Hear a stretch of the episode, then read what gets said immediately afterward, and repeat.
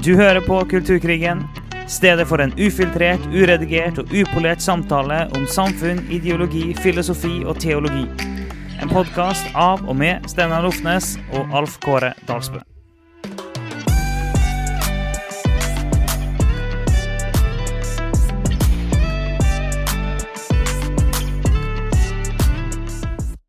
God morgen, god ettermiddag, god kveld, god natt, eh, alt ettersom eh, når du hører det her. Det er jo veldig kjekt hvis du hører det her allerede eh, halv seks eh, torsdags morgen når denne episoden her slippes. Men det, uansett når du hører på, så eh, håper vi at du er klar for eh, det som kommer i dag. Ja, og i dag eh, tenker vi faktisk å fortsette litt på tematikken vi har hatt. Altså, vi har vært i vekkelse og vranglære.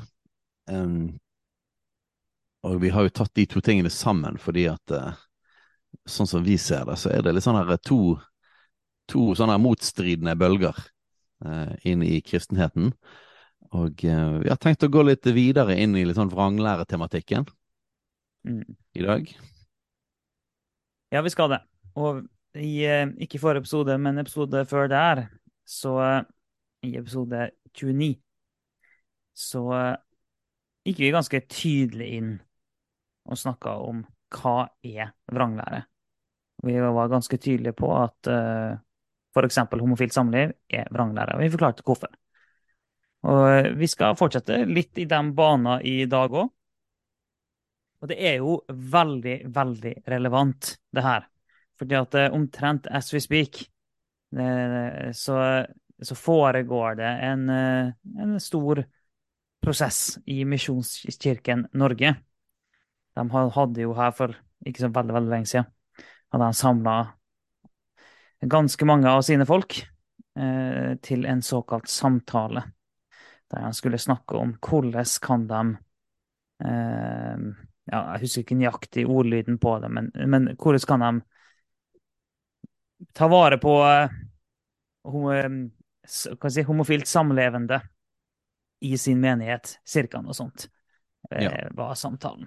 Og om man kan bli medlemmer, var blant annet en av de veldig sånn spesifikke spørsmålene. Kan man Hvis- bli hvis medlem en- når man er hvis en- homofil? Ja, hvis en lever i homofilt samliv. Ja.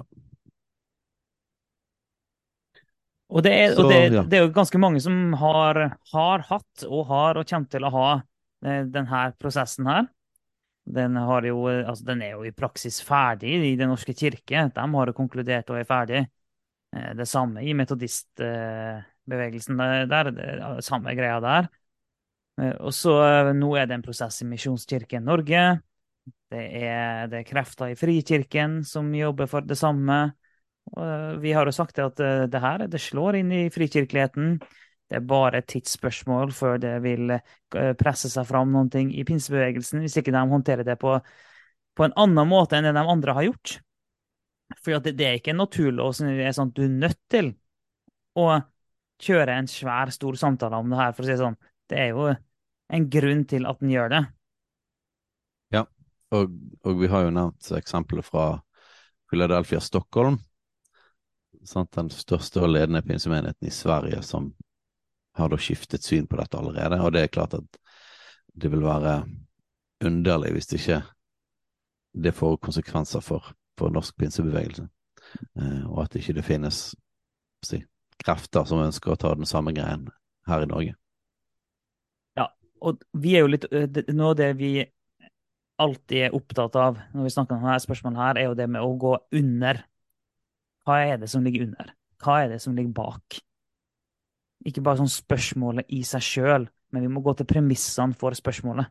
Det er vi veldig opptatt av, det har vi forsøkt å gjøre igjen og igjen på, øh, imot ulike spørsmål i den podkasten her. For vi mener jo det at hvis vi går under, så vil ofte svarene gi seg sjøl. Og og hvis vi har riktig premiss for samtalen, for spørsmålene, og hvis premissene kommer ut av Guds ord, så vil også konklusjonen lande i tråd med Guds ord. Hvis premissene for samtalen bryter med Guds ord, så vil også konklusjonen bryte med Guds ord. Det er både Ofte så er det sånn det foregår. Ja, og det er ofte Det kan være vanskelig noen ganger å skjønne at man allerede har tatt et skritt um, bare ved å gå med på noen premisser. Mm. Uh, og uh, vi, skal, uh, vi opplever at dette her er en av, en av måtene vi kristne blir lurt i, nå for tiden. Og vi har tidligere snakket om dette her med legning, som, som vi mener er et helt ubibelsk konsept. Uh, og at hvis man på en måte godtar en forståelse på den måten av legning, så har man allerede tatt et langt skritt imot å måtte akseptere konsekvensen av det, at, at, dette mennesket, som er så fundamentalt annerledes, skal på en måte få lov til å leve ut den man er. Uh, og, de, og, derfor er på en måte forståelsen og, og, premissene er på en måte ekstremt viktig. Så la oss gå litt sånn konkret til verks og for, forklare hva vi mener med dette. da.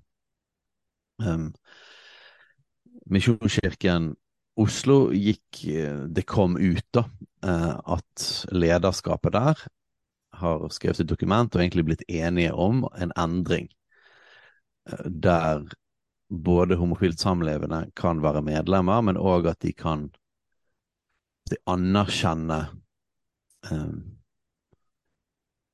Anerkjenne forholdet. De vil ikke vie folk. Eh, vi skal se litt mer nøye på det dokumentet etterpå, men, men de, vil, uh, de velsigne på en eller annen måte og anerkjenne at hvis du hadde et trofast sam samliv sammen med, den, sammen med noen av samme kjønn, så var det på en måte likevel greit, selv om de ikke ville vie. Og, og man kunne òg være medlem og ha alle typer tjeneste i menigheten. Så dette kom mm. lederskapet i Misjonskirken Oslo fram til. Um, og skulle gå inn i en prosess med menigheten om det, da. Og så ble det lekket ut, sånn som jeg forsto, og så ble det en nasjonal sak. Um, og så har det visst vært snakk om at Misjonskirken nasjonalt skal ha en samtale, en prosess på disse tingene. Uh, hvis du forstår det riktig, så har det liksom gått litt seint. Uh, men dette har vel trigget veldig igjen at nå, nå, må liksom den prosessen virkelig opp på bordet. Og så har de begynt å gjøre det, da. Eh, og så har Misjonskirken Oslo utsatt denne her samlivssaken ja. på ubestemt tid, frem til Misjonskirken Norge har landet, da. Ja. Så det er litt sånn settingen rundt, og, og basert på en Vårt Land-sak her, da, som, som, skriver litt om Oslo misjonskirke, nei, nei, hele Misjonskirken Norge sin prosess, så er visst det som ligger på bordet, er to forslag. En modell A og en modell B. Um, der modell A er å videreføre dagens ordning, og modell B er en oppmyking. Der personer som lever i likekjønnet forhold eller er samboere, kan bli medlemmer men har visse restriksjoner på hva roller eller tjenester man har. Så eh, modell B da er nok å gå litt uh, Ikke gå så langt som Misjonskirken i Oslo vil, uh, hvis jeg har forstått det rett, men, men uh, likevel en oppmyking og et måte, slags mellomstandpunkt på en eller annen måte. da. Mm. Um, så det er det de diskuterer. Og vi mener jo faktisk at det er problematisk at de bare diskuterer dette her. Og vi skal forklare litt hvorfor. Det høres, jo så. Eh, det høres jo så hardt og intolerant ut når vi sier at bare det å ha samtalen er faktisk feil i seg sjøl. Bare det å ha samtalen på den måten her, ta den prosessen, er et problem i seg sjøl. Og det, det høres så mørkemannaktig ut! Uh, vi tror at du allerede må akseptere et, et premiss i bunnen. altså endre, Du må ha endret et eller annet for å helt tatt ta den samtalen. Ja. Um, det, det, det, som skal sies til det, at jeg forstår veldig godt at de må ta samtaler med at i et kirkesamfunn eller en bevegelse at du må snakke med de folkene som har et annet syn. Altså at du må ja. finne ut hva man skal gjøre med at de har et annet syn. Eh, og, vi, la oss understreke, vi, eh, jeg, vi sier ikke at vi ikke skal snakke med folk, men vi snakker om, når vi bruker ordet samtalen, så er det for at det er veldig ofte ordet som blir brukt. Vi må ha en samtale om det her. og Vi, vi kan også kalle det prosess, vi kan også kalle det et eller annet sånt. Eh, men det er jo det, når vi, i den settingen her, når vi snakker om samtalen, så er det den prosessen som en ønsker å ha. Så det er det vi avviser, da. Ikke selvfølgelig ikke det at vi snakker sammen. Ja, Misjonskirken må selvfølgelig deale med og finne ut hvordan de dealer med Ja. at det finnes menigheter og ledere som har fått et annet syn. Det må de Jeg mener vel egentlig at det er noe som burde vært avklart allerede, og jeg vet ikke statuttene i Misjonskirken. Men jeg kan iallfall si det at sånn som hos oss, så ville ikke det vært en veldig lang samtale, fordi at La oss si at vi hadde flere menigheter som var en del av det samme arbeidet, samme nettverket, med en felles teologisk plattform. Så, det jo, så ville jo på en måte den teologiske plattformen være helt klar og tydelig. Eh, og hvis noen endrer på det, så er på en måte bare samtalen ville vært at eh, er det virkelig dette her dere går for? Mm. Og om dere går for det, så kan dere ikke være med. Mm. Eh, så man må jo selvfølgelig snakke, snakke, med folk, men samtalen hadde vært veldig enkel og grei på den måten. Det hadde jo selvfølgelig vært følelsesmessig smertefullt, og bevegelser som har en lang historie, der, og, og, folk kjenner hverandre. og Jeg forstår at, at dette utfordrer det. Men det vi mener da med at, vi, at, bare det å ha samtalene problematisk, det er at dette er egentlig noe som Misjonskirken Norge allerede har en helt tydelig praksis på. Altså det, det, finnes, det, det, er ikke liksom at dette er et uklart område som de plutselig må definere. De har allerede et, et, et klokkeklar praksis på dette. Når jeg har snakket med pastorer i Misjonskirken, så bekrefter det at, at praksisen er sånn hvis du lever i noe som Bibelen definerer som synd, og da går imot det som er det teologiske grunnlaget for Misjonskirken, så kan du ikke være medlem. Mm. Så, så, de har på en måte allerede Og det er jo på en måte alternativ A, da. Dagens ordning. Eh, så de har allerede definert det. Så hvorfor ha en samtale om det er greit å fortsette med det? Hvorfor skal man da ha en samtale om det? Um, men det er jo derfor jeg, vi, jeg sier jo det at premissene her er så viktige. Fordi eh, sånn som det ble lagt da, med en modell A og modell B, der modell A er en, videre bare fortsette sånn som i dag, og modell B er en såkalt oppmykning. Nei, men Premissene her er helt feil. Vi diskuterer jo ikke Eller dem, da. Det, det, er jo ikke en diskusjon om det er en oppmykning.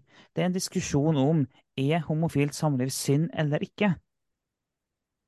Og dermed, fordi at, fordi at, det ikke er definert som eh, modell B, da, at det ikke er definert som det en diskuterer, så blir hele greiene fullstendig skjevt. Og når man bare diskuterer en oppbygning istedenfor det som egentlig er problemstillinga, er det her synd eller ikke, så, eh, så, er det så mye enklere da, å lande på en sånn konklusjon om at ja, vi kan myke opp litt. Eh, vi står, også, som vi har snakka om før, vi står fortsatt for det klassiske synet. Eh, ekteskapet mellom mann og kvinne har en forrang, eller et eller annet sånt. Men vi, vi myker litt opp. Men spørsmålet her er jo ikke står du for klassisk syn. Spørsmålet er er det å leve homofilt eh, i homofilt samliv, er det synd? Bryter det med Guds ord og Guds skaperverk? Ja eller nei? Og hvis det ikke gjør det, hvis det ikke bryter, ja, da har du svaret ditt. Da, da får du den oppmykninga du vil. Hvis det bryter med Guds ord, Guds skaperverk, ja, da er det ikke lenger en samtale. Da, da er det ferdig. Det er pakka og klart. Det er ikke mer å diskutere. Og igjen, vi skal ha kontakt med hverandre, og, sånn, og vi skal kunne ha, snakke sammen, det er ikke det vi sier. Men rent teologisk så er det ikke lenger en samtale. Nei, og det er jo veldig merkelig. sant? For du, så det er jo to, to, situasjoner som blir nevnt her. Det er jo likekjønnet forhold eller samboere. Så, så, da er jo spørsmålet er dette synd, eller er det ikke synd? Dette er allerede definert i Misjonskirken som at det er synd. Mm. Så, og, og, det er allerede definert at derfor kan man ikke være medlem. Mm. Så, så, det er liksom det, det, er, det, er, allerede avgjort. Så den eneste grunnen til at du kan ha en samtale om det, er jo, er jo egentlig å stille spørsmålet er det riktig at det er synd. Ja, og, det, er det eneste du har å snakke om. Og, og det, her, det, det som egentlig, og det er det jeg mener er litt sånn nesten sleipt der. Eh, altså, jeg, jeg, mener ikke å anklage noen, men, eh, men det, er, det oppleves som at ikke det er det, det, blir ikke tydelig hva han egentlig snakker om. Og det, det, må tydeliggjøres hva er det her egentlig er snakk om. Jo, det er snakk om hva som er synd eller ikke. Og, og, og ta for eksempel eksempelet med samboerskap. samboerskap. Som det, det, er helt klart definert. Eh, du kan ikke være medlem eh, og, i Misjonskirken i Norge hvis du driver og, og lever i samboerskap, og du får ikke muligheter for noe lederskap der. Eh, så skal de ha en samtale om det? Nei. Den døra kommer til å bli lukka med en gang kommer ikke til å være aksept for å ha en samtale om det. Eller ta polygami. Eh, skal det være en samtale i, et, i for eksempel, Nå bruker jeg bare Misjonskirken Norge som et eksempel. Det er ikke meningen å ta dem på noe vis, men det er bare eh, dagsaktuelt akkurat Vi blir jo et eksempel for oss alle. For Ja, denne ja, ja. prosessen er det vi alle må gå igjennom på en eller annen måte. ja. Eh, så ta polygami, da. Skal vi ha en samtale om det? Nei. Den døra kommer til å være lukka, den blir ikke åpna i det hele tatt.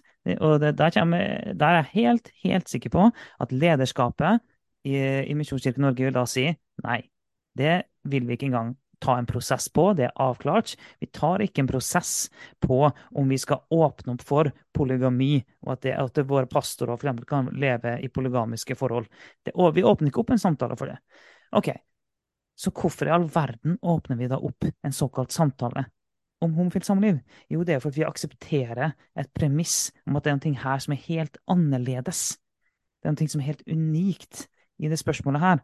Det er noe her som gjør at det kanskje ikke er synd likevel. Eh, og gjerne så er det kobla opp med det med legning. da. Ja, men De er født sånn, skapt sånn. Og vi har jo tidligere snakka om det med at, eh, at vi tror ikke på legning. Vi tror bare på en seksualitet som går ulike veier, har ulike lyster og følelser og tiltrekninger. Det er det vi tror på. Ja, og jeg tror jo at dette, har, dette er et veldig godt eksempel på hvordan kulturkrigen kommer inn i kristen sammenheng. For det at hvis, hvis kristenverden hadde vært sin egen isolerte verden, um, der vi bare hadde trodd det vi alltid har trodd, uh, og trodd det Bibelen sier, så hadde ikke dette kommet opp som et spørsmål. Eneste grunn til at dette kommer opp som et spørsmål, er presset i samfunnet på dette. Mm. Eh, og er den unike posisjonen disse forskjellige variantene av seksuelle spørsmål Hvor høyt opp på agendaen det er i samfunnet. Det, det er blitt gjort som liksom det viktigste spørsmålet. omtrent. Um, og og vi har, blitt, vi har blitt påvirket av denne, hele den tankegangen. Vi er blitt påvirket av hele tankegangen om um, ja, nei da, dette er jo en kontrovers, kontroversiell podkast allerede, så folk får bare bli provosert. Men jeg, jeg mener helt seriøst at uh, vi skal være forsiktige òg med å kjøpe premisset om at homofile alltid har blitt undertrykket av kirken. Mm. Eh, Det, det, det spørs hva vi mener med det. Uh, men det, det blir snakket om som at det er en, sånn ufravikelig sannhet. Uh, og det kommer an på. Det kan godt være at det fantes tider for mange mange, mange tiår siden der det, der det var veldig reelt.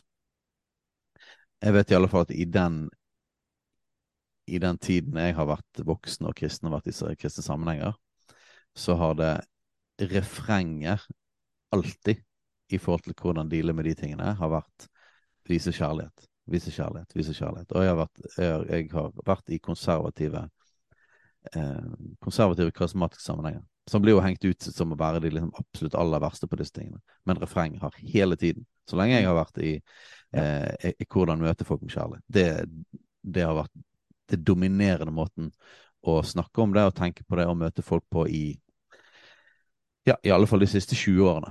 Um, Ja, ja, så, så jeg går ikke med på det premisset om at vi til og med, og de sammenhengene vi har vært i, har vært sånn undertrykkende. Da, da er det det at uh, Da er det det at eh, man man er har satt en uenig, da. grense. Man er uenig, at man sier Ja. at det er synd.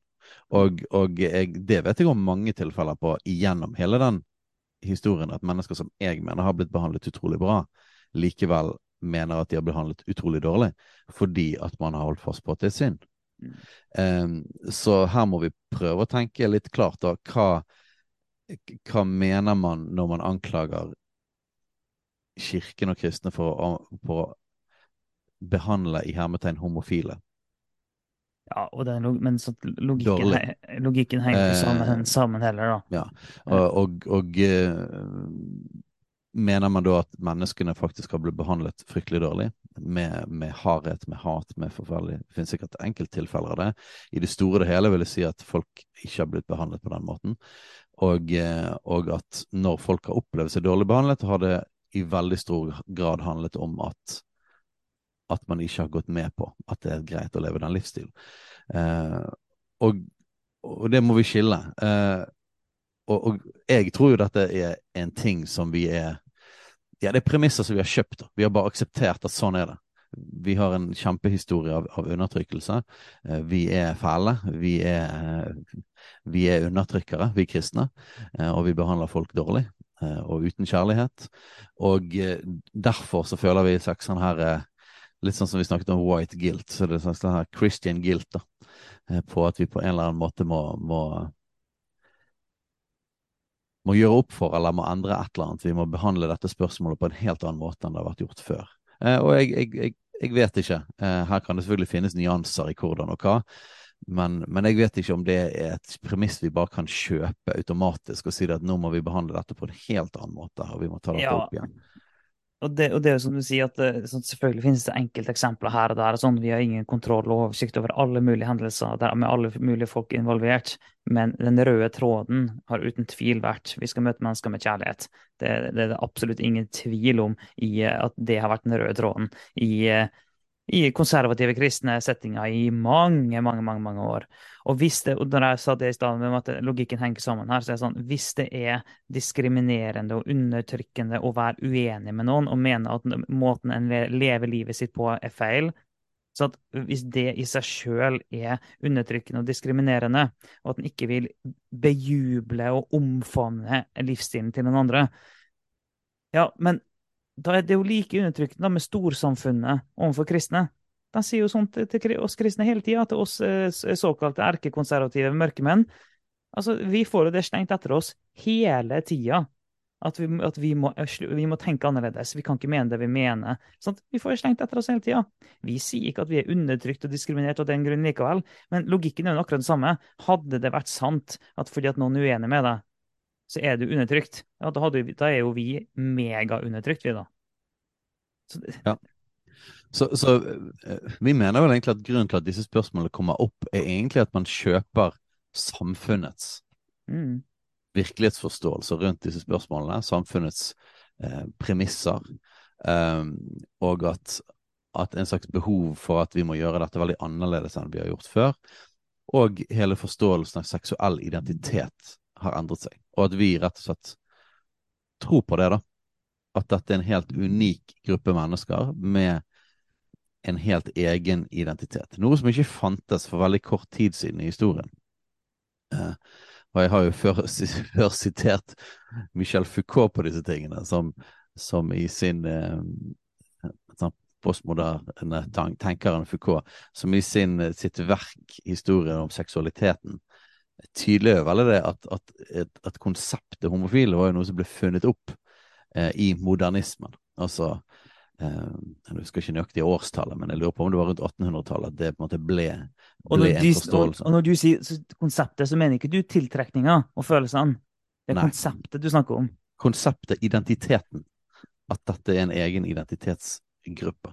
Eh, og vi har jo først snakket om postmodernisme. Det de ønsker å gjøre med det, er jo å si at det finnes ingen grupper i hele tatt, og de vil sprenge hele konseptet, alle grupper, alle rammer, alle grenser. Det var jo hans argument, sant? at det bare konstruerte ting anyway. Um, det vi vil si, er at vi er helt enig i det, at, at dette ikke er et mm. eget dette, dette er ikke en egen Altså, dette er noe som faktisk ble funnet opp for et par hundre år siden, um, som en identitet, altså. Um, og og før det har, har, den seksuelle praksisen og tiltrekningen har alltid fantes. Og mm. den er eldgammel. Ja, den ja. Eh, leser vi om i, i, eh, i Gamle testamentet, i de eldste bøkene i Gamle testamentet. Så, så at, at, at altså seksuell praksis med sex med samme kjønn eh, og seksuell tiltrekning til samme kjønn eh, Roman 1 beskriver jo 'brenne i begjær'. Det betyr seksuell tiltrekning. Mm.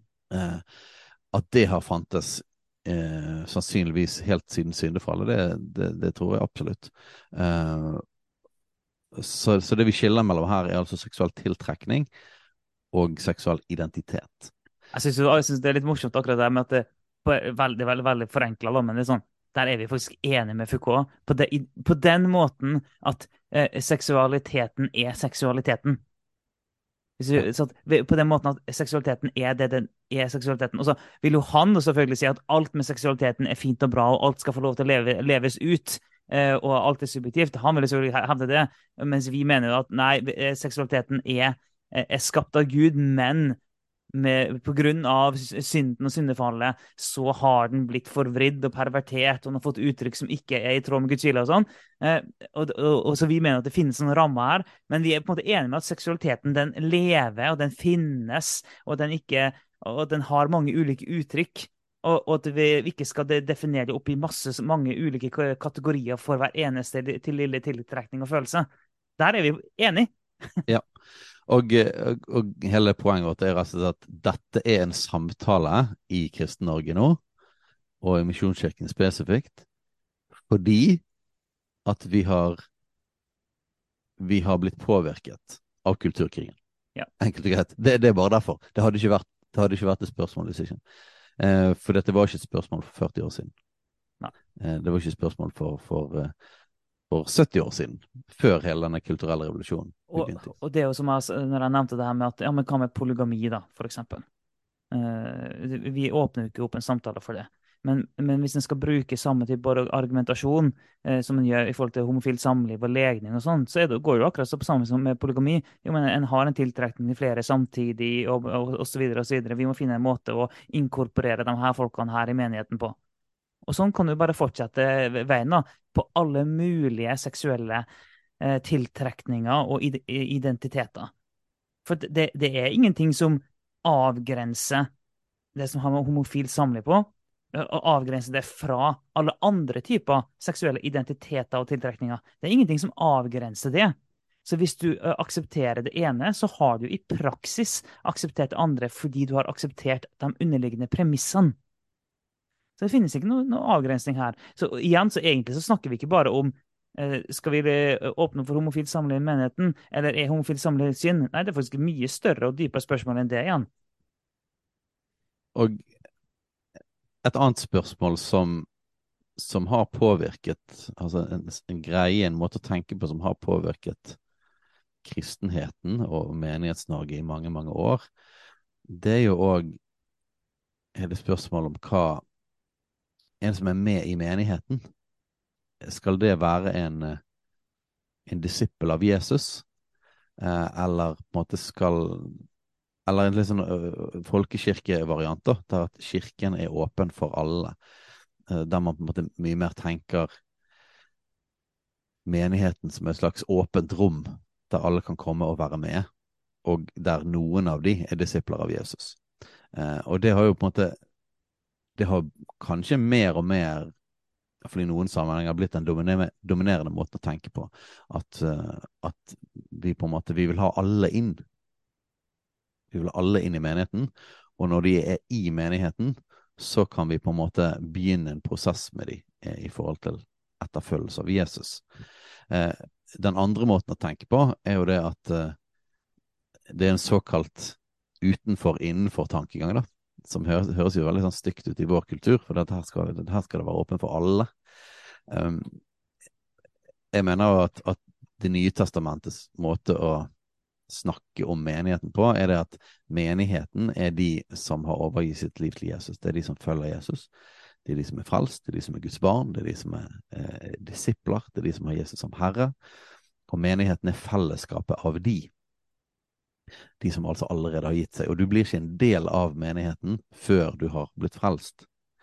Eh, og på, på, samme måten da, så er det sånn at hvis du da går vekk fra Jesus, og du ikke ønsker å leve for han, så kan du heller ikke være med i menigheten lenger.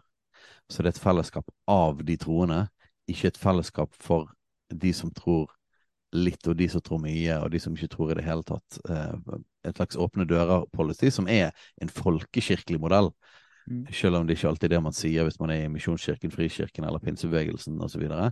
Um, og derfor syns det òg spiller inn i dette her medlemskapsspørsmålet. Eh, fordi at man ikke setter en veldig sånn tydelig grense um, i forhold til hvem er menigheten.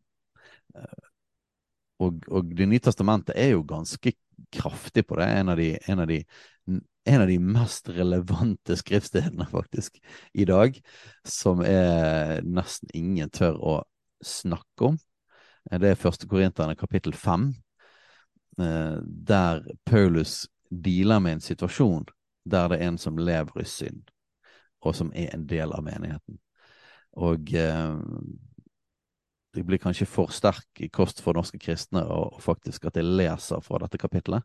Eh, men jeg kan jo fortelle litt sånn kjapt hovedtrekkene. Det er altså en som lever i synd. lever i et seksuelt forhold med sin far og sin kone, altså det vil si sin, sin stemor på en måte, da. Eh, og eh, Paulus sier, konfronterer menigheten i Korint veldig tydelig med dette. Han sier blant annet at de må rense ut den gamle syrdeigen. Eh, og, han, han snakker om dette òg. Han går inn i denne saken igjen i andre Korinterbrev, der han også sier at en, en liten surdeig syrer hele deigen. Så det betyr at en, å ha en, en menneske som er i forsamlingen, men ikke lenger ønsker å følge Jesus, men lever i synd, eh, var helt uakseptabelt. Eh, og nå må vi huske det at Paulus han vant mange mennesker for Jesus. han hadde veldig hjerte for, veldig hjerte for at mennesker skulle bli frelst. Det var jo det han holdt på med. Masse mennesker ble frelst gjennom Paulus sin tjeneste og lagt inn i menigheten. Men han var veldig tydelig på hvis du var en del av menigheten, eh, så måtte du leve som en disippel av Jesus. Og hvis ikke, så måtte man gå ut. Og de Han beskriver hvordan de skal rett og slett støte ut denne personen. At denne personen kan ikke lenger være med i menigheten. Og at det er faktisk meningen at denne personen skal, ved den prosessen, eh, oppleve virkelig, virkelig å bli satt på valg om hva de ønsker. Ønsker de å følge Jesus, eller ønsker de å forbli i den? Eh, jeg anbefaler dere å lese 1. Korinterne 5. Eh, og så snakker han til og med jeg, jeg, skrev til dere om at dere ikke skulle ha samkvem med horkarer, altså mennesker som lever i et seksuell, seksuelt utsvevende liv. sant? Som, eh, og da sier han helt spesifikt jeg mente ikke mennesker i denne verden som driver hor eller pengegriske røver eller auguststyrkere. Da måtte du og dere gå ut av verden. Sant? Så han mener at vi i, i, i verden så skal vi ha fellesskap med alle. Mm. Eh, for mennesker som ikke følger Jesus, forventer vi heller ikke at de ikke lever i synd. Eh, og vi har fellesskap med, med alle òg for å vinne de for Jesus. Eh, men, men, det jeg skrev til dere, var at dere ikke skal ha samkvem med noen som kaller seg en bror. Altså noen som kaller seg en kristen, men er en horkar, pengegris eller avgudsdyrker, baktaler, dranker eller røver. Et slikt menneske skal dere ikke engang spise sammen med. Hva har vel jeg med å dømme dem som er utenfor, er det ikke dem som er innenfor, dere dømmer.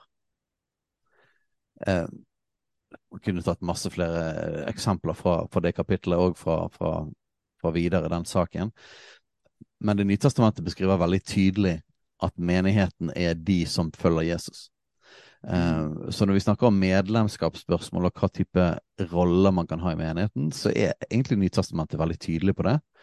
Eh, og man må egentlig forandre hele den forståelsen òg, for å snakke om dette spørsmålet.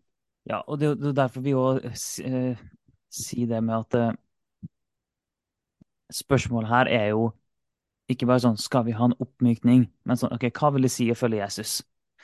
Og, og hvis du, du lander på at du kan nå er det homofil samliv som er spørsmålet her, da. men det kan kunne vært polygami og andre ting som vi nevner òg. Men sånn, ok, hvis en lander på at en kan leve i homofilt samliv, men likevel være en etterfølger av Jesus, da har han jo selvfølgelig da sagt at homofilt samliv ikke er synd. Det sier seg jo sjøl.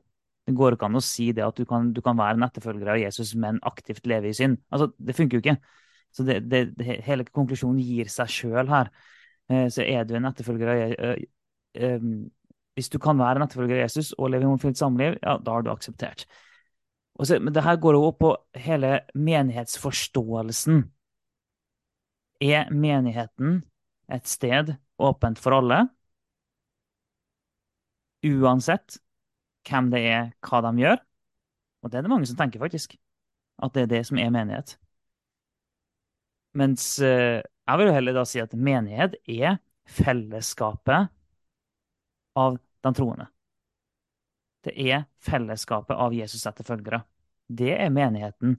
Og så, og så kommer folk på besøk. Kommer folk innom. Kommer folk og ser på, osv. Det gjør det. Men menigheten er faktisk dem som følger Jesus sammen. Det er menigheten. Det er ikke alle andre som er innom. Menigheten er familien. Ja. Og, så kan, kan familien ha besøk.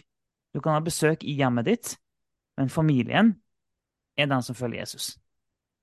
Familien, Hvis vi tar forskjellige beskrivelser av menigheten. Familie er en av de. Det andre er tempel, og da er det bare et tempel for Den hellige ånd. Uh, og det står jo om det om å være rein for å være tempel for Den hellige ånd. Så du, De eneste som kan være tempel for Den hellige ånd, er de som ved Guds nåde har fått vasket vekk alle sine synder, som at man er blitt rettferdig og hellig. Uh, og når man er hellig, fått en ny identitet som hellig, for det er en av de vanligste måtene en kristen blir betegnet på i Det nye testamentet. De hellige i Korint og de hellige i Roma og de hellige her og der. Så de som er hellige, fellesskapet av de hellige, de blir et tempel. Og hva er hensikten med tempelet? Og det er at Guds nærvær, Guds Den hellige ånd, skal ha bolig midt iblant oss. Så du kan kun være et tempel hvis du er hellig gjennom Jesus. Eh, et annet bilde er at vi er Kristi kropp, Altså at Jesus er hodet, og vi er kroppen hans, og at vi er kroppsdeler. Eh, og menigheten er altså kroppen. Og du, kan, og du kan kun være en kroppsdel hvis du hører til Jesus. Mm. Eh, og at du har Jesus som hode. Det er måten du blir en kroppsdel på. Um, og det er jo det faktisk der hele konseptet medlem kommer fra. Ja, medlem. At, at, du er et lem altså, eh, Vi er Kristi lemmer, altså mm. kroppsdeler. Mm. Så medlem, hele ordet, betyr at du er en kroppsdel med Jesus som hode. Og hvis du ikke har Jesus som hode, så, du, så er du ikke heller en del av kroppen. Mm. Du må være frelst for å være en del av kroppen. Uh, så hele konseptet menighet er er veldig kraftige saker. Vi hører til hverandre på en veldig veldig kraftig måte. og Derfor er det veldig tydelig i Det nye testamentet er det veldig tydelig innenfor utenfor. Ja. Jesus snakker hele tiden om det. De som vil være min disippel, må sant, legge, alt, legge alt ned, forlate alt eh, og følge meg. Um, og, og, og, da blir det sånn Ja, men hvordan skal vi da vinne mennesker for Jesus? For, fordi at vi har liksom lagd det til et det som forståelsen at måten man vinner mennesker for Jesus er å invitere dem inn i menigheten og bli en del av menigheten. Det er sånn de skal bli kjent med Jesus. Men det fins heller ingen eksempler i Det nye testamentet på at det er måten vi vinner mennesker på. Mennesker blir vunnet ved at evangeliet blir forkynt ute, overalt i samfunnet. ble evangeliet forkynt. På gater og streder og relasjoner. Gjennom, ja, gjennom medlemmene. Gjennom disse menneskene som er etterfølgere av Jesus, og som når de er der ute i verden, er Jesu ambassadører eh, utsendt av Jesus med, med, med, oppdrag, med misjonsbefalingen, med hans ord, med evangeliet, med vårt eget vitnesbyrd, med hans kraft, sånn at når vi er overalt der ute, så kan mennesker få en smak av Jesus.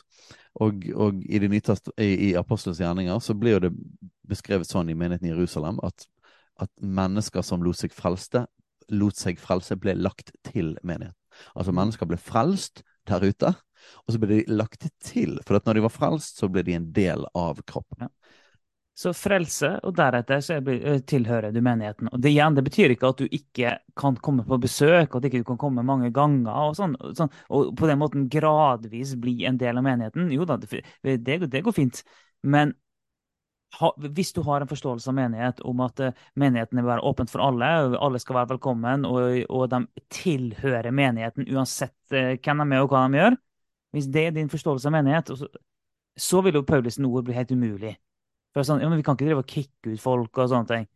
Men, men du må, uh, hvis du har en forståelse av menighet som en familie, som Jesus etterfølgere, som en fellesskap av, av, av de hellige osv., okay, så må, da sier jo Paulus at uh, hvis du har en bror, en som kaller seg bror, eller hva det er Mm. En som kaller seg kristen. Han, han, sier 'jeg er din bror', altså jeg er, din, jeg er medlem her. Jeg tilhører kroppen her. Hvis du har en som sier det, men ikke vil følge Jesus, ja, da må du si at nei, hvis du ikke vil følge Jesus, så er du faktisk ikke et medlem. Da er du ikke et, et medlem på kroppen der Jesus er hodet. Og det er det Paulus snakker om. Da, hvis du sjøl påstår at du er et medlem, men du er ikke et medlem, da er du ikke et medlem. Paulus sier ikke at alle som ikke vil være et medlem, men aldri har vært et medlem, og heller ikke sier at de er et medlem, at de ikke får lov til å komme inn og får lov til å oppleve litt godt fellesskap. Altså, det er jo ikke det Paulus sier. Altså, menighetsforståelsen har veldig mye å si for hvordan vi klarer å håndtere disse spørsmålene. her. Og Hvis du har en tanke om at menigheten bare skal være åpen for alle uansett, da blir det jo veldig vanskelig å sette nødvendige avgrensninger, og terskelen blir veldig lav for å ha denne såkalte samtalen. For vi må jo være inkluderende for alle. Men hvis du, får, hvis du har en forståelse av menigheten, at menigheten er dem som sier jeg vil følge Jesus. Det blir mye enklere. For da blir det bare sånn ok, Hvis du vil følge Jesus, så er du med. Da er det innafor. Hvis du ikke vil følge Jesus, så er du ikke med. Da er du utafor. Du får lov til, og du kan omvende deg. Du kan velge å følge Jesus senere, og så er du med. Det er helt greit. Det er ikke noe sånn eh, livsvarig utestengelse. Det handler bare om vil du følge Jesus, med alt det det innebærer. Ja eller nei. Og ditt valg får konsekvenser den ene eller andre veien. Det er det det går på. Ja, apropos det, i andre Korinterbrev så skriver Paulus det at, eh, at eh, personen hadde kommet til omvendelse. Eh, på grunn av, av at altså dette, Det blir faktisk beskrevet som en måte å hjelpe folk Som er det mest drastiske eh, grepet da, for å hjelpe folk å virkelig få en gudsfrykt, og at, at de skal forstå konsekvensene av sine handlinger, sånn at de kan vende om og få gjenopprettet sin relasjon med Jesus. Uh, og det er nettopp det som skjer med denne personen. Den blir utstøtt av menigheten uh, og ender opp med å vende om. Og Paulus er veldig tydelig på sier at uh, nå skal dere ta den personen inn igjen og vise den personen kjærlighet og omsorg. Mm. så dette er Det nye testamentet. Altså Spørsmålet er jo, og jeg vet at dette er sikkert kjempeutfordrende, jeg vet at dette, denne tematikken er veldig utfordrende for, for dagens kristne. Men da er spørsmålet vil vi ha nytestamentlig kristendom. Er det det vi vil ha? Eh, tror vi på Bibelen som Guds ord? Tror vi at dette er fortsatt sant og godt i dag? Eller er det sånn at vi opplever dette for tøft, for hardt? Um, og jeg, jeg, bare ser for meg hele tiden når vi snakker om det som samtale om disse tingene, så ser jeg for meg liksom at man sitter der med Jesus da, og, og de forskjellige apostlene, og så sitter man og Og så ønsker man en, en samtale om eh, Du, um, vi lurer på om kanskje vi skal endre på dette her om, om hva som trengs for å være en disippel uh, av deg, Jesus. Um, vi lurer på om kanskje det kan være greit at folk fortsatt kan leve i disse og disse typene synd, og fortsatt være en del av disippelflokken. Um, jeg tviler på at det hadde vært veldig sånn rom for samtale om disse tingene med Jesus. For at Jesus hadde allerede veldig tydelig sagt hva som var kvalifikasjonen, eller hva som var premissene for å være en disippel av han. Og det var ganske heavy ting. og, og, jeg tror at når vi snakker om disse tingene her, så er det sånn her det, det, kan rokke nesten med hele gudsbildet og hele forståelsen av personen Jesus og hele forståelsen av evangeliet. Uh, og, og, det er sånn ah, ja, men er ikke, er ikke, er, ikke, er ikke, Jesus en som er full av kjærlighet? Jo, men kjærlighet er ikke fraværet av tydelighet. Fraværet av, av, av, å snakke om synd. Eh, Jesus elsket hvert eneste menneske, og alle som ydmyket seg, erkjente at de trengte han og ville følge han. De tok han imot. Alle de som forherdet sitt hjerte og sier at 'jeg vil ikke', ja, de fikk ikke følge han.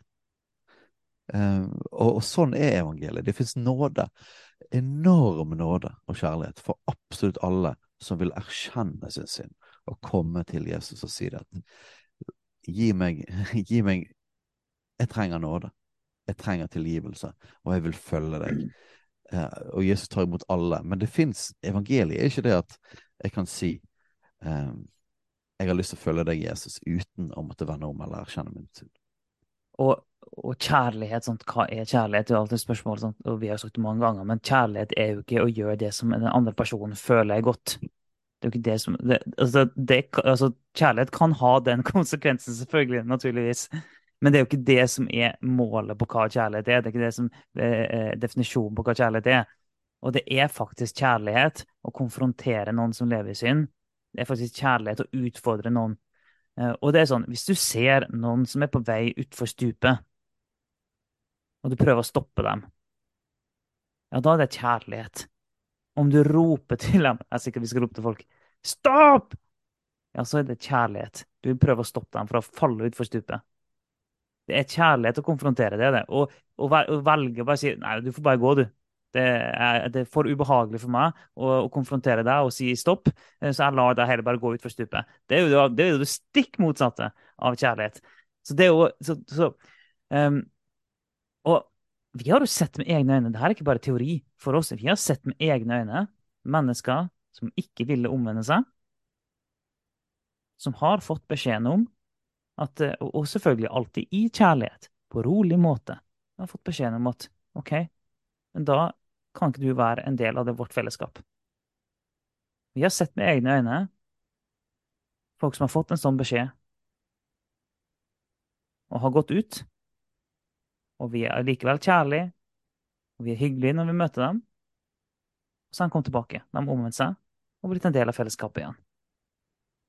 Det har vi sett med egne øyne. Det funker. Det gjør det. Og det gjøres hele tida i kjærlighet, det gjøres i vennlighet, det gjøres i godhet. Og i det øyeblikket folk kommer tilbake, så møter vi en sånn som i, historien om den bortkomne sønn. Faren som springer ut og omfavner sønnen sin og kysser han, og sønnen som ikke føler seg verdig til å være sønn, og ber om å få lov til å være tjener. Det er det sønnen kom hjem, og han hoppet han kunne få lov til å være en tjener. Og han sa det jo til, sønnen, til faren sin òg, jeg er ikke lenger verdig å være din sønn. Og faren bare totalt overser det tar han inn som en sønn. Det er måten vi skal møte ham på når han omvender seg på. Det er det. Yep. Og alt handler jo om er man villig til å ta imot Guds nåde. Og for å mm. ta imot Guds nåde må vi også erkjenne at vi trenger Guds nåde. Hvis vi sier at vi ikke trenger Guds nåde, vil si at dette er ikke galt, mm. så kan vi heller ikke ta imot Guds nåde, og da blir vi i vår synd. Mm. Um, og apropos det du snakket om, at, at konfrontasjon er kjærlighet, er finnes det folk som, som, kan konfrontere for hardt, og de er ufølsomme mot ja, ja. Det finnes helt sikkert. Men jeg tror nok det aller vanligste problemstillingen er at, er at, vi alle sammen prøver å unngå konfrontasjoner, for dette er veldig ubehagelig. Og jeg husker en person som, som var hos oss, og hadde vært elev på bibelskolen vår, og som jeg jevnlig hadde prata med, og personen Jeg merket at åh, denne personen er litt ute på vidden, altså. Eh, men jeg orker bare ikke gå inn i det.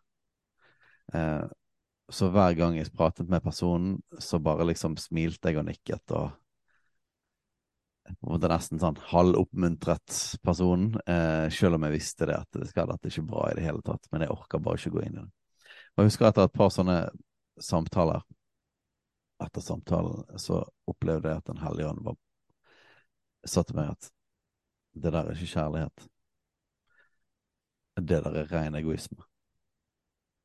Og det ble veldig tydelig for meg at grunnen til at jeg ikke konfronterte personen, var kjærlighet til meg sjøl. Mm. Det var at jeg Jeg brydde meg mer om mine følelser. Jeg ville ikke ha det ukomfortabelt. Eh, jeg ville ikke gå inn i den situasjonen fordi det var vanskelig for meg, og derfor så brydde jeg meg mer om han jeg, jeg, jeg brydde meg ikke så mye om hans framtid, og at, at han faktisk kom til å gå på ville veier fordi at jeg ikke advarte. Har jeg opplevd veldig tydelig at Gud sa det. Det går ikke.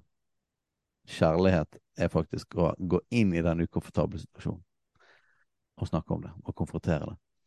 Eh, jeg tviler på at flertallet av mennesker syns at det er gøy å måtte være tydelig med en person å konfrontere mm. en person med synd. Det er mye lettere å juble, klappe, trykke like på sosiale medier, trykke hjerter og si det at supert, vi støtter, vi for kjærligheten. Jeg skal love deg at det er mye, mye lettere. Og, og, eh, så da kan man spørre seg er det, er, det det, er det det som er kjærlighet? Er det det som koster deg noe for at den andre skal få det faktisk få det bedre? Eller handler det egentlig om at det er det mest behagelige for deg sjøl? Så vi skal ikke bare ta for gitt at kjærlighet er, er aksept. Mm. Eh, det er i alle fall ikke Bibelens definisjon av kjærlighet. Og igjen så er det sånn at ja, men Gud aksepterer alle. Gud elsker alle, men han tar bare imot de som kommer til ham med ydmykhet. Han tar bare imot de som erkjenner at de trenger han. Um, de som ikke gjør det, Gud står de stolt imot, men de ydmyke gir han nåde. Men stolthet er det å si det at 'jeg vet best', 'jeg vil gå min egen vei'.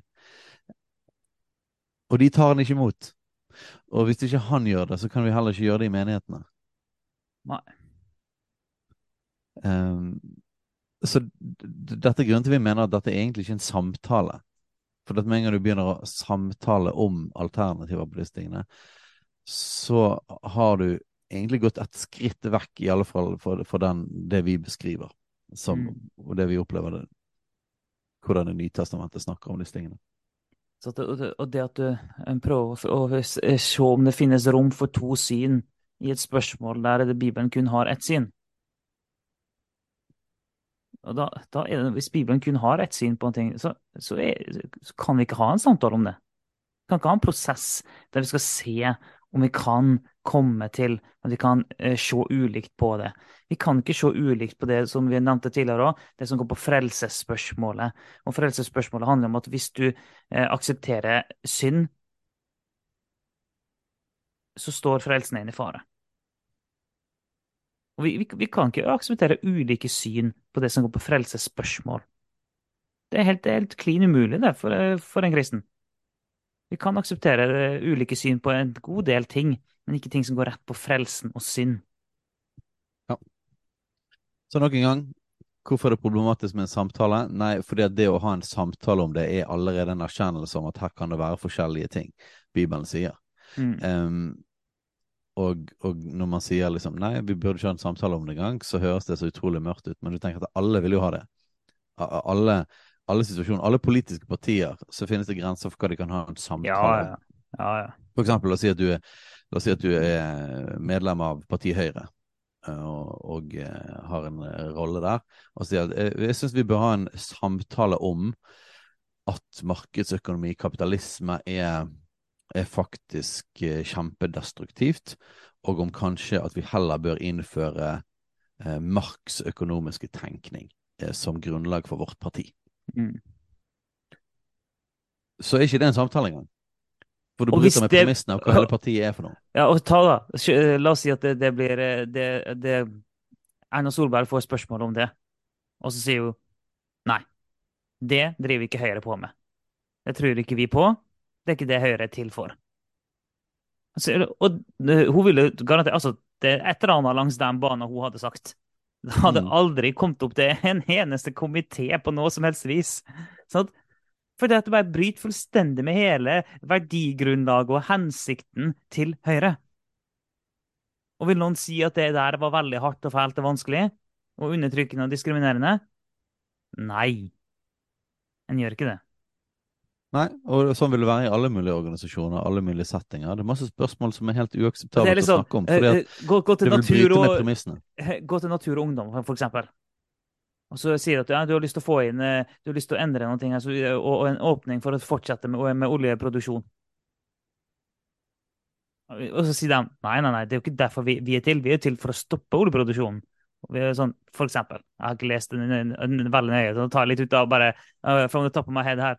Men sånn, så, så, Naturvernforbundet, Natur og Ungdom, hvem det er som sier nei, vi, vi, vi aksepterer, vi vil ikke ha noe for oljeboring her. Er det undertrykkende, diskriminerende, fælt? Er de fæle folk for de sier nei til det? Nei, selvfølgelig ikke. Og så vil, vil garantert noen eh, innvende når, når de hører det her, ja, men det der er jo bare ulike sånn, synspunkt i saker.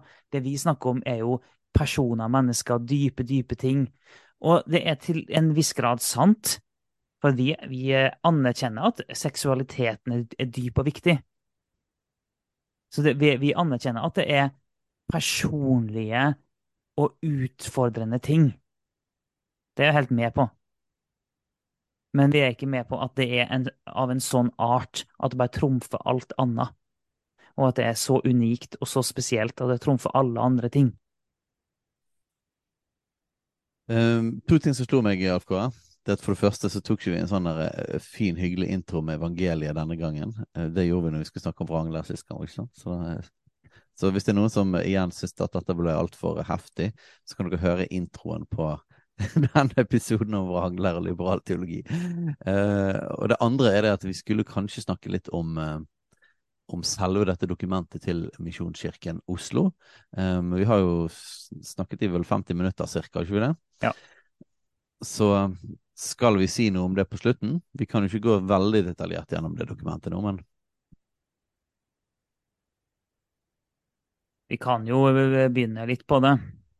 For målet er jo ikke å finkjemme det, målet er jo å trekke fram eh, noen ting av det vi snakker om her. Og det kan vi godt gjøre. Men nå har vi iallfall snakket ganske kraftig om hvordan vi tenker, ser dette, da. Eller ser hele type situasjonen og premissene under. Um, og så skal vi se om vi finner dette dokumentet. Jeg hadde ikke det helt uh, framme nå. Så det, her, det er rett og slett redaksjonsmøte. Og, så her, her, her, skulle vi hatt en, sånn, en liten sånn trudelutt, en vignett som, som, spilte, og så var vi tilbake igjen. Eh, men det, ja. det, orker vi ikke å redigere inn. Hvis vi hadde redigert bedre dette her, så Hvis vi hadde redigert denne podkasten, så hadde det Ja. Skal vi se, da har vi dokumentene her klar. Leve sammen. En mulig vei videre for oss som menighet i spørsmålet om homofilt samliv, er det dette dokumentet heter. Så vi tenkte å bare, bare si noen kjappe ting om det. Ikke gå helt ord for ord gjennom alt, men, eh, men kanskje gripe tak i noen av hovedelementene, da. Ja, og, det, og, og målet her er jo ikke liksom å plukke fra hverandre hele dokumentet, men det, det, det er noe av det mest konkrete vi har å ta tak i akkurat nå, av hvordan det her beveger seg inn i frikirkeligheten. Derfor bruker vi det for, som et eksempel, og trekker vi fram noen elementer fra det og kommenterer noen ting av det. det og, og, og, for å og peke på noen ting som vi tror vi kommer til å komme igjen og igjen, og litt sånne ting. Ja, og sannsynligheten er stor for at, for at noe ganske likt som dette, at det er en del personer i frikirkeligheten og eh, lutherske lavkirkeligheten, lutherske organisasjonene, som, som, kan være dratt mot noe lignende standpunkt som dette, og kan, kan være er interessert i å begynne å kjempe for det i sin sammenheng. Så, så dette er jo på en måte relevant å forstå litt sånn hva er tankegangen i disse tingene. Ja, det her handler jo om det at vi, okay, vi, vi, prøver å forstå det, og så kommenterer vi litt av det. Og vi er på ingen som helst måte ute etter, å ta noen, verken denne menigheten eller den som leder den, eller eh, Erik Andreassen som er pastor der og sånn. Og jeg kjenner ikke dem, og det er helt sikkert kjempefine folk som har et oppriktig ønske og et oppriktig hjerte for å møte mennesker og elske mennesker. Jeg betviler ikke det i det hele tatt. Vi er bare veldig uenige i hvordan vi skal gå fram her. Det... Yep. Men en ting, da som jeg syns kan være verdt å trekke fram eh, i eh, ganske sånn tidlig, som, eh, som, sier ganske mye om dette dokumentet her, det er jo at eh, han skriver sjøl at eh, i det dokumentet her så legger vi fram det vi så langt har jobba med, og peker på hva vi nå ser som en mulig vei for vårt fellesskap. Det innebærer å opprettholde vårt syn på ekteskapet, og samtidig vil vi anerkjenne at et trofast homofilt forhold kan være forenlig med et liv som Jesu disippel, og heller ikke i seg sjøl til hinder for medlemskap eller tjeneste. Og det er jo akkurat den tingen her som vi har snakka om, med at eh, OK eh, eh, De sier jo det med at okay, de, vil opprettholde sitt syn på ekteskapet og samtidig anerkjenne. Og det er jo det, vi har sagt flere ganger, at vi mener at det er det er en, en umulighet, egentlig. Men og samtidig vil vi anerkjenne at det er et trofast homofilt forhold. og sånn, Vi skal ikke vi skal eh, representere dem riktig. De er veldig tydelige hele tida på at det handler om et trofast homofilt forhold mellom to personer. Og de vil at det skal være et trofast juridisk forpliktende offentlig samliv. Så det, det, De snakker ikke om utsvevende liv. Eh, det gjør de ikke. De snakker, om, de snakker om det de anser som et, egentlig som et ekteskap bare mellom to av samme kjønn. Og så sier han det at eh, de, eh, de, vil anerkjenne at det kan være forenlig med et liv som Jesu disippel, og heller ikke seg sjøl til hinder for medlemskap eller tjeneste. Og vi har, vi, Hittil i episoden så har vi snakka om det med, med, medlemskap og tjeneste og det å være en Jesu etterfølger. Så da skjønner jeg hvorfor det her er relevant å snakke om. Ja. Um, noen snakker om at dette er et slags mellomstandpunkt. Um, jeg forstår jo hva man mener med det, på den måten at man ikke går så langt som mange i Den norske kirke som sier på en måte ja, altså I verste fall så på en måte går Den norske kirke helt inn i universalisme. altså på en måte at, at egentlig alle blir frelst uansett. Det finnes heller ingen fortapelse. Eh, og at hvis du har den måten å tenke på, altså at Gud er en kjærlig Gud og han tar imot alle, eh, så er det på en måte klart det at verken homofilt samliv eller noen som helst andre type ting er jo egentlig til hinder for å bli frelst. Eh, så det er jo på en måte å gå veldig langt ut, da. Um, og så er det noen som kanskje mener at det fins fortsatt en frelse og fortapelse og sånne ting, men at eh, det med det vi kaller seksuell synd, eller på en måte sex utenfor ekteskapet eller med andre, eller med samme kjønn, eller sånne ting, er ikke synd. Og at det er på en måte en slags gammeldags måte å forstå det på. Um, og at siden det ikke er synd, så er det heller ikke et problem. Sant? Mm. Så, det på en måte blir på en måte den, liksom, den klassiske litt sånn all out eh, liberal norske kirke-varianten. Men klart her ser vi jo på en måte at, at de sier opprettholde vårt syn på ekteskapet. sant? I Den norske kirke så har man da noen kjønnsnøytral eh, altså vielse av folk med samme kjønn. Så da har man jo da ikke opprettholdt det tradisjonelle synet på ekteskapet. Um, og så her snakker man om å anerkjenne trofast hovedvilt samliv, og det er jo da òg en sånn som du sa, noe med rammer, da. Å beholde noen av rammene. At vi tror fortsatt på, på ja, Ekteskapslignende rammer, kan du si. Ja, at det fins rammer rundt, at det på en måte er en slags pakt eller en eh, Ja, det er noe, det er noe trofast, sant? Um, og så snakker man òg om å være en disippel av Jesus, altså en etterfølger av Jesus. Og det betyr at man opprettholder en forståelse av at vi er kalt til å være etterfølger av Jesus. Altså det er ikke sånn at du forelsker uansett, men vi er kalt til å være disipler uh, og følge Jesus.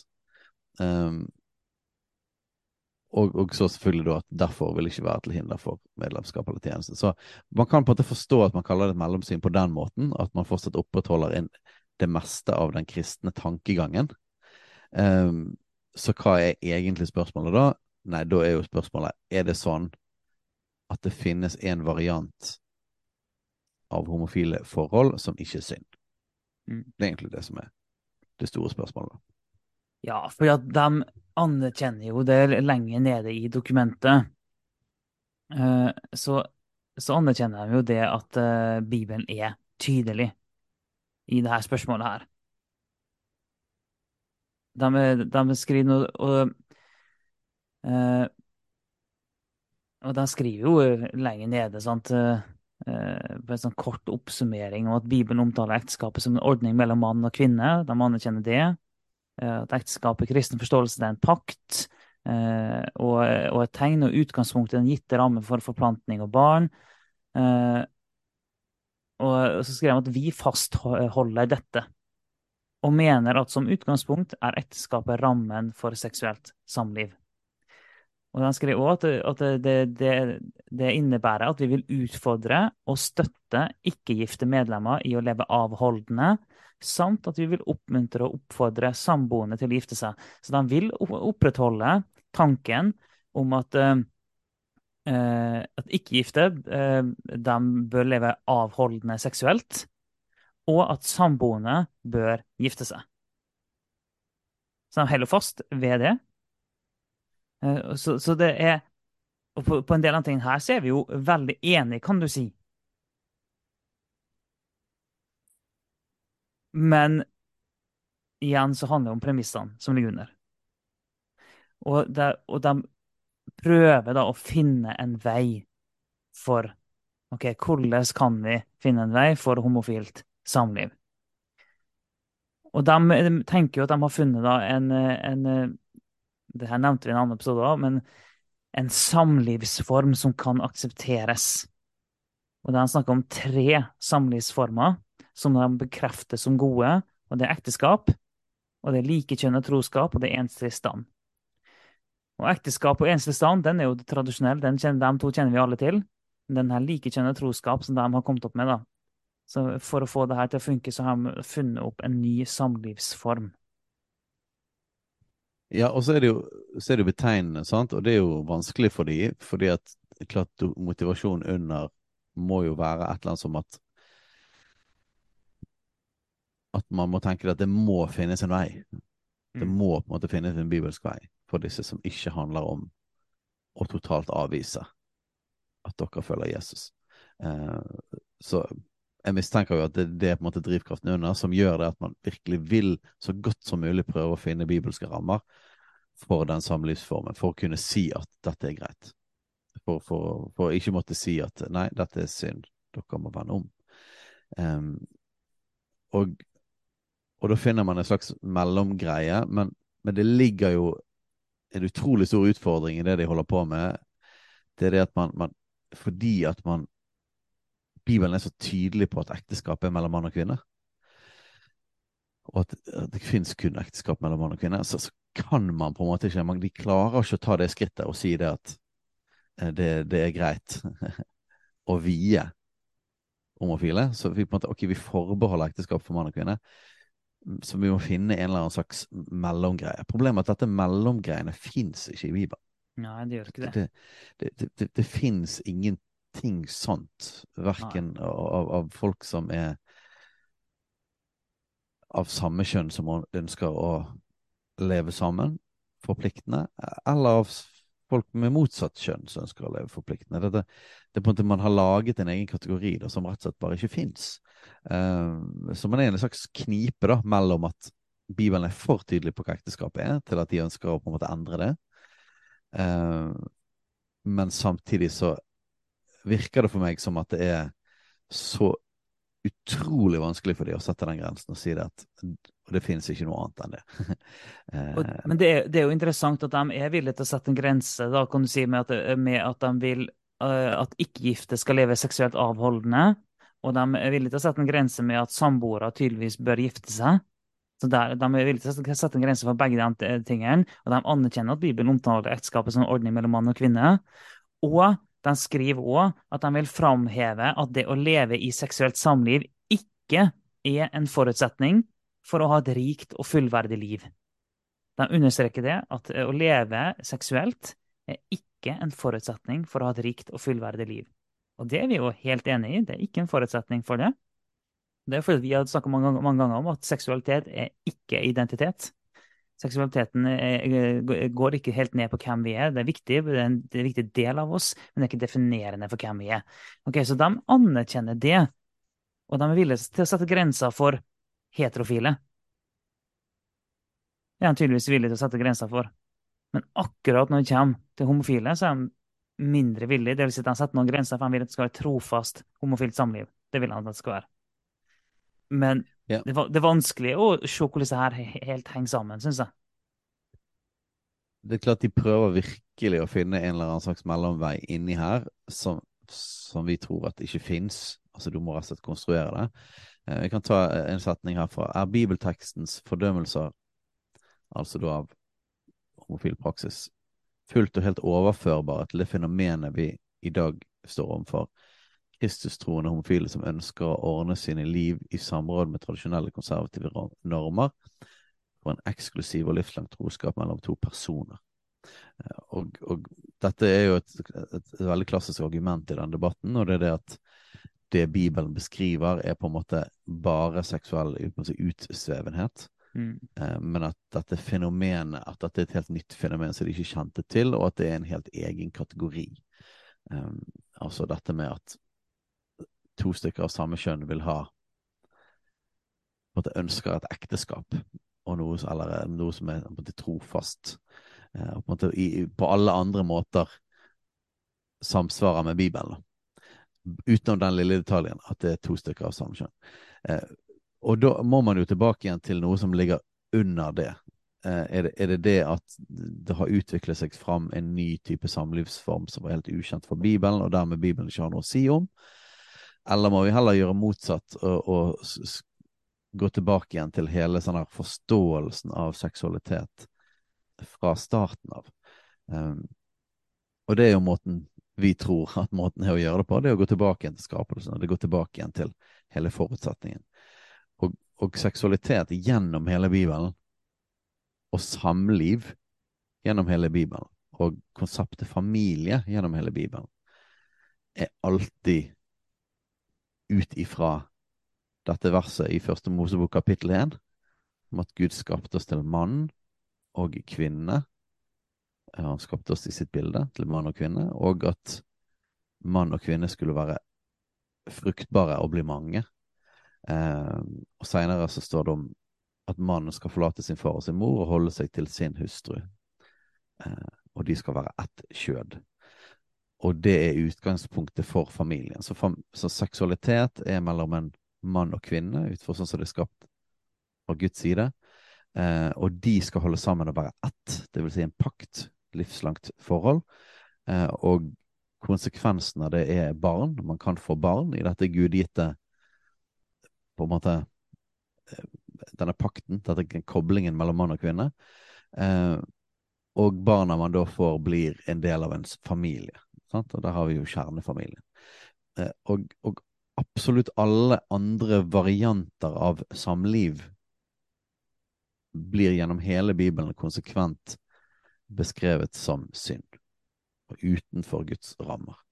Mm. Så sex er kun innenfor mann, kvinne, som har en pakt med hverandre, og skal være ett. Eh, og det er òg den eneste type familie som blir beskrevet i Det nye testamentet, eller gjennom hele Bibelen. Uh, så, så, hvis man på en måte går tilbake til det, så igjen så blir det ikke så fryktelig vanskelig. Nei, det, det, eh, Hvis en ser på hele den røde tråden gjennom Bibelen, sant, og ser på det, hele den store fortellingen i Bibelen, så ser en jo at det trer fram et ganske krystallklart bilde. Vi har jo blant annet bilder om Kristi brud. Mm. Kristus og menigheten. Um, når vi snakker om at vi er Guds barn, og at Gud er en far, um, så er det en forutsetning av å, av å forstå, forstå, det på den måten at, uh, at, at Gud beskriver seg sjøl som Han beskriver seg sjøl som den som leder en familie. Mm. Og igjen der så har du så har du mann og kvinne, du har spørsmål om underordning, og du har det med barna. Eh, så, så, bildene som blir tegnet i Bibelen, er hele tiden, er hele tiden kjernefamilie. Eh, og det er hele tiden mann og kvinne. Eh, så det finnes på en måte ikke noe eksempel. Da må du gå utenfor, og da må du egentlig konkludere med at her er det noe totalt unikt som har kommet i vår del av historien som man ikke kjente til eh, gjennom hele Bibelen, og derfor så må vi skape ny, et nytt konsept. Men det blir jo utenom bibelsk, og det vil krasje med eh, alt det Bibelen sier om seksualitet og om familie. Ja, det, det, det vil det. Og jeg syns det er interessant uh, når de skriver her, ganske sent i det dokumentet, at Eh, jeg skal ikke lese altfor mye, men akkurat det her må jeg nesten lese. da. Men der skriver det at Bibeltekstene som omhandler seksuelle handlinger mellom likekjønnede, er uten tvil sterkt fordømmende. Vi vil ikke benekte det, det her, eller forsøke å påstå at de egentlig handler om fenomen de ikke benevner. Ok, Så de, eh, de, de, de sier at det er, Bibelen er helt klart fordømmende. Men så understreker jeg det at det handler om seksuelle handlinger. Eh, fordi at så skrev han videre likevel så er det gode grunner til å spørre om de her tekstene her kan brukes til å fordømme alle former for homofilt samliv på den måten kristne ofte har gjort, og spesielt den formen for homofilt samliv vi i dette dokumentet omtaler. Eh, så da er det for at De tenker jo da at ok, det går bare på seksuelle handlinger, utsvevende liv, eh, ikke på det trofaste samlivet. Men det finnes ingenting i Bibelen som, som, kan tolkes på den måten. Det finnes ingen åpning. Det finnes absolutt ingen åpning for homofilt samliv i ett eneste tilfelle i hele Bibelen. Det finnes det rett og slett ikke. Så må jo prøve å, konstruere noe ut ifra noe som ikke finnes. Uh, og de skriver jo at det er for det første et åpent spørsmål om de generelle og knappe formuleringene i bibeltekstene har overføringsverdi til alle former for homofilt samliv, eller om de er dekkende for det vi i dag står overfor, homofile som vil leve i trofast samliv og tilhører menigheten. Og det da, at det er generelle og knappe formuleringer i bibeltekstene, der er jo vi helt uenige. Nettopp av det, det du trakk fram i stad, Steinar.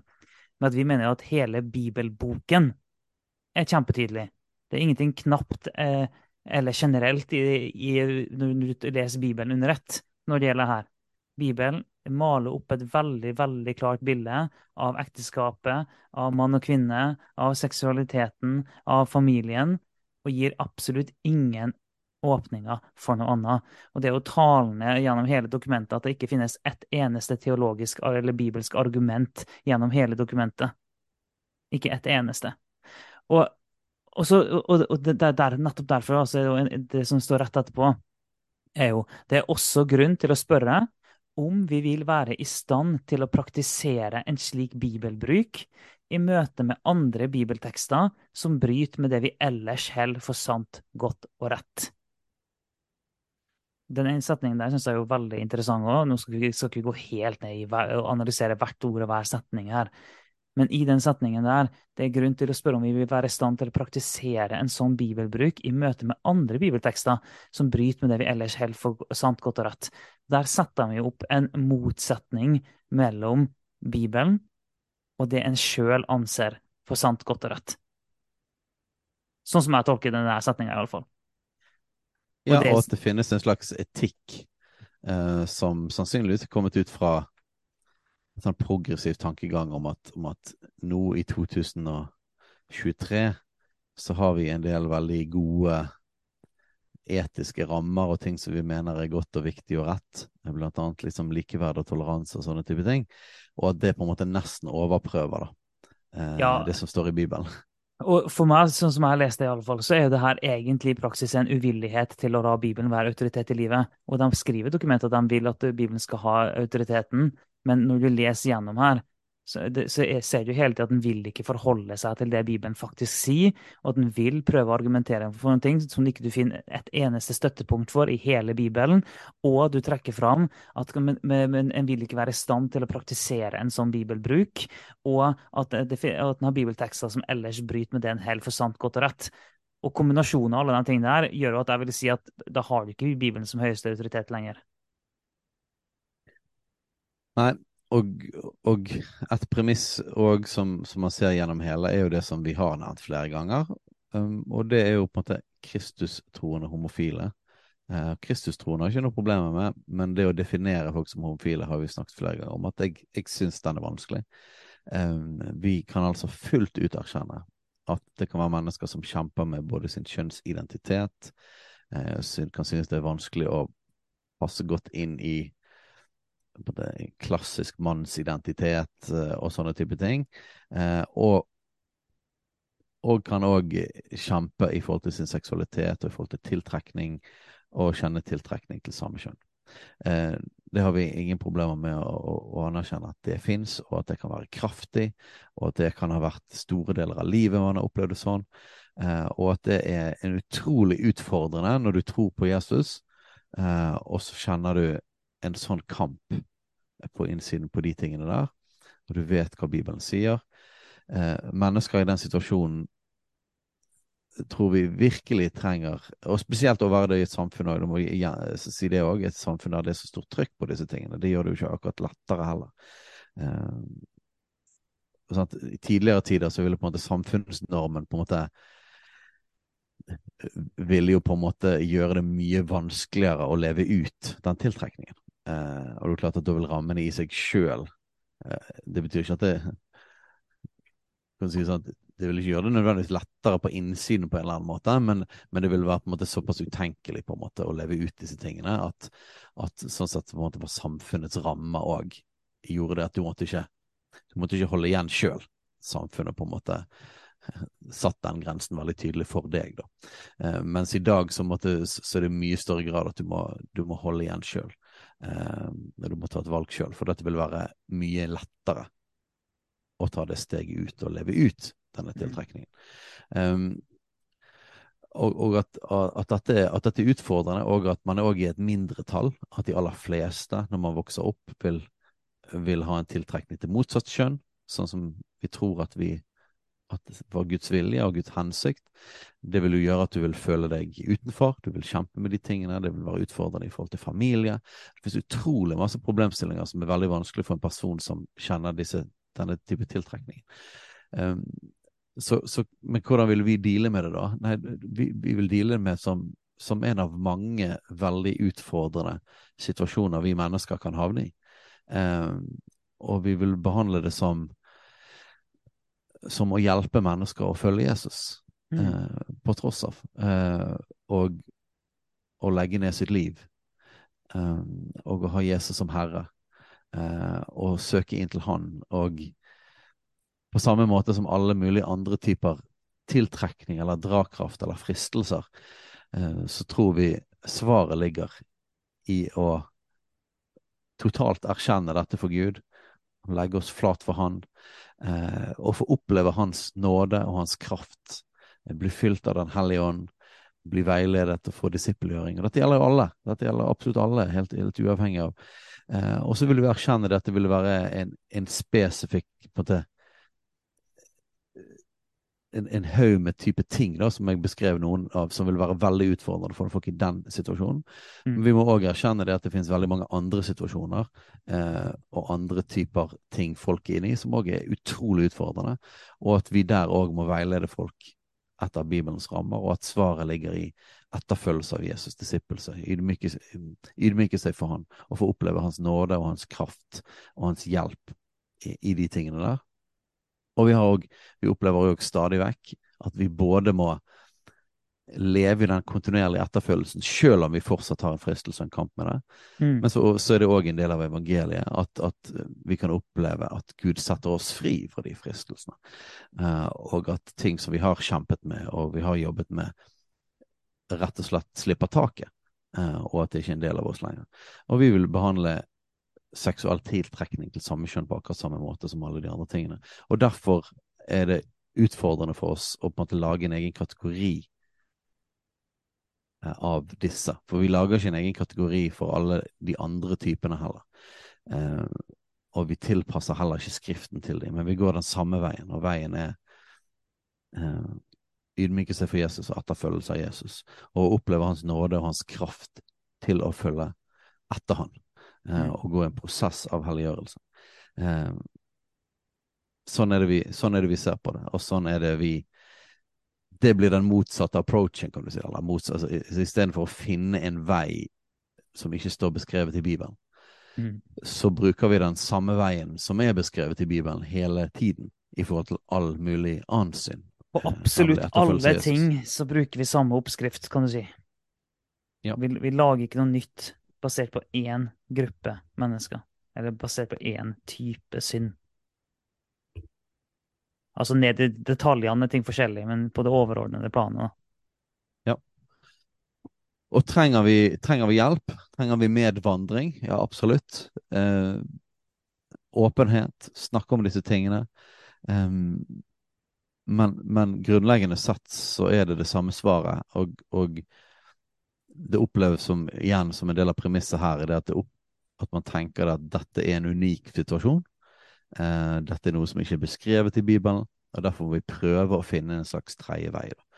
Eh, som man sjøl på en måte konstruerer. Den, den, den, står ikke beskrevet i Bibelen, men da må du på en måte akseptere, da må du på en måte si det at dette er en type tiltrekning som er noe helt annet og noe helt dypere. Dette er en helt egen identitet, en helt egen, som ikke man på de vanlige veiene da for disippelgjøring kan, kan deale med. Ja, og jeg klarer ikke å finne noe god hva skal jeg si, noen god argumentasjon for at det skal finnes en tredje vei her. En, en ting som jeg sa, at det ikke finnes noe som helst åpning i Bibelen for det. Men når de forsøker seg på en tredje vei her, så er det ingen avgrensning i forhold til alle andre som kan få en tredje vei. Alle andre som kan få en mellomposisjon. Og de skriver i dokumentet at de, de sjøl mener at det her argumentet med at ved å akseptere homofilt samliv, så vil den eh, forplikte seg til en hel rekke premisser videre de avviser den tanken som vi argumenterer veldig sterkt for, så der er vi jo veldig uenige. da. Eh, vi mener så definitivt at den aksepterer en hel haug med premisser. og det er Derfor jeg sier at jeg ser ikke hvordan de skal klare å avgrense det til å kun handle om det her. Det, det, de, eh, ingen, av, eh, ingen, av, argumentene deres er avgrensende nok. Det her er jo sammen med Hegertun og boka hans òg. Og, og det en gjerne vil si, da, er at nei, det handler om folk som har lyst til å følge Jesus og leve i trofast samliv. Det er, er det. OK. Ja, men Hva med den som har lyst til å leve i trofast samliv med flere folk? Nei, men Det handler om den som har lyst til å leve i trofast samliv mellom bare to personer. Ja, men Hvorfor det? da? Hvor har du den avgrensningen ifra? Nei, Den har vi fra Bibelen. OK, men den bibelske avgrensninga er jo mellom to personer av ulikt kjønn. Så, det, så, du, du finner, så, så En kan ikke da på det ene punktet ta en bibelsk avgrensning, og på det andre punktet ikke ta en bibelsk avgrensning. Hvis en først skal ta de bibelske avgrensningene, så finnes det ingen åpning for homofilt samliv. Men hvis en skal ta den bibelske avgrensningen på kjønn, så må en jo ta den bibelske av... Nei, jeg mener på antall. Så må en jo ta den bibelske avgrensningen på, um, på kjønn òg. Så, så det, det, finnes ikke ingen god måte å avgrense det her på. og derfor så de, de, de svarer på et spørsmål i dokumentet. og da, Kan homofile vie seg hos dere? er spørsmålet. Og så skriver de nei, Vår ekteskapsforståelse ligger fast, og vi kommer ikke til å utvikle liturgi for likekjønnet vigsel. Og så skrev de videre at, at ekteskapet danner utgangspunkt for vår seksualetikk eh, og en del eh, sånne ting. Eh, og så skrev hun at homofilt samliv defineres og tolkes som noe annet enn et ekteskap. Er begrunna i en del sånne ting som de skriver om at ekteskapets posisjon i det bibelske materialet, kirkens historie, økumenisk praksis osv. Så, videre. så de anerkjenner at homofilt samliv er noe annet enn ekteskap. Og Det er derfor de har kommet opp med den tredje samlivsformen. For de, de, ser det, at det finnes ingen bibelsk måte å klare å putte homofilt samliv inn i den bibelske forståelsen av ekteskapet på. Men hvordan kan de klare å, å, avgrense det til å kun handle om homofilt, trofast samliv? Det, det, det ser jeg på som en total umulighet. Ja, og da tror vi rett og slett, samtidig vil jeg sikkert ikke være enig i det, men, men hvis du ser historisk på dette, så kommer disse tingene fram i kirken som en konsekvens, og gjerne en del seinere, av utviklingen i samfunnet. Så, så, dette tankegods fra kulturen. Det er ikke tankegods fra Bibelen. Det er tankegods fra kulturen. Og ettersom kulturen utvikler seg, så oppleves det som veldig vanskelig, og ikke at det skal endre hvordan vi gjør ting i menigheten. Eh, og ettersom kulturen endrer seg, så vil det òg være flere og flere folk som vil på en måte leve etter det som er greit i kulturen, men som Bibelen likevel fordømmer. Eh, og eh, det er helt umulig ut fra det du sier, på en måte at det er ikke en, det er ikke en logisk avgrensning. Så er det veldig vanskelig å se at ikke dette bare er en slippery slope. Mm. At du åpner for én ting, og så vil det være naturlig med å åpne for flere ting, fordi at hvis du først har gått forbi det som er på en måte grensen som Guds ord har lagd, så er det ikke prinsippet noe, noe logisk plass å stoppe. Da vil det egentlig bare være samfunnsutviklingen som avgjør hvor mm. langt man går. Mm. Eh, så hvorfor tar man ikke opp det som har med polygami og sånn nå? Nei, fordi det er ikke så utbredt i samfunnet ennå. Men det vil det etter hvert. Eh, og, og, selvfølgelig hele, hele kjønnsidentitetsgreiene og transsaken er jo kommet såpass langt at det vil nok òg eh, komme inn. Det er jo folk i Den norske kirke som, som, Det var vel noen som gjorde det, men det er ikke blitt et offisielt ritual for det. Men dette her med sånn her transition, velsignelse eller sånn for folk som har skiftet kjønn. Så en, på en, måte, en mm. slags innvielse eller velsignelse. Et ritual i kirken for det. Så, så, og, og, det var jo utenkelig for liksom 15 år siden, til og med blant de liberale.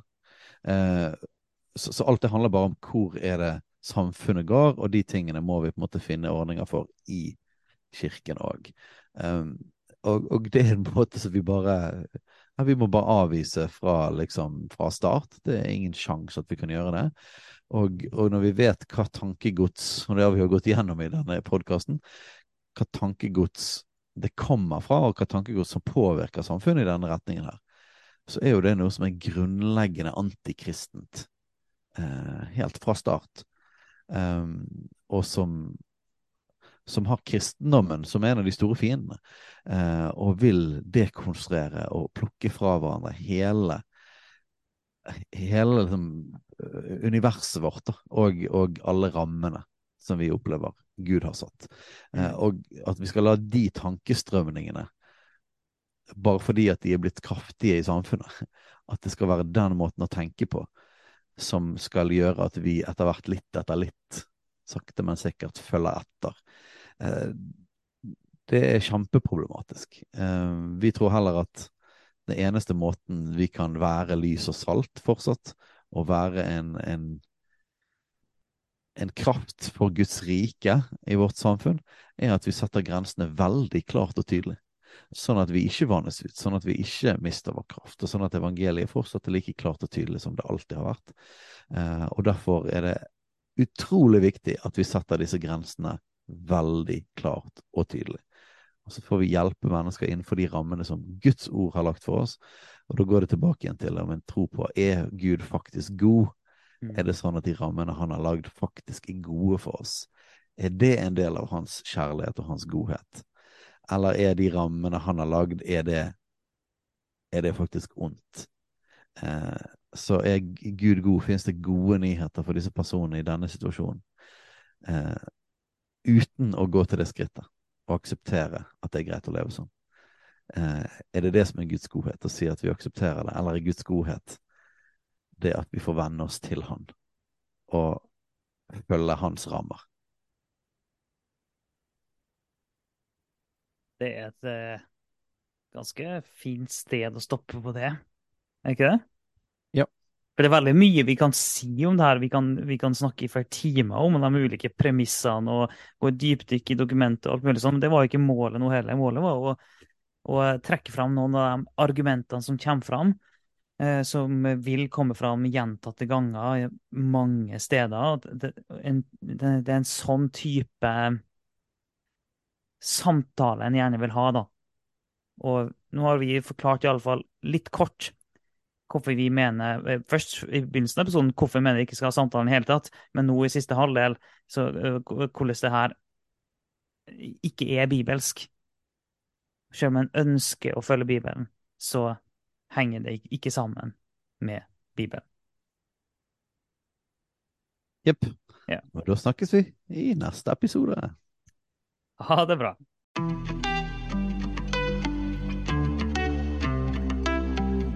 Takk for at du lytter på Kulturkrigen. Om du har tilbakemeldinger, spørsmål, hva som helst egentlig, send inn til post alfakrøll kulturkrigen.no eller på sosiale medier.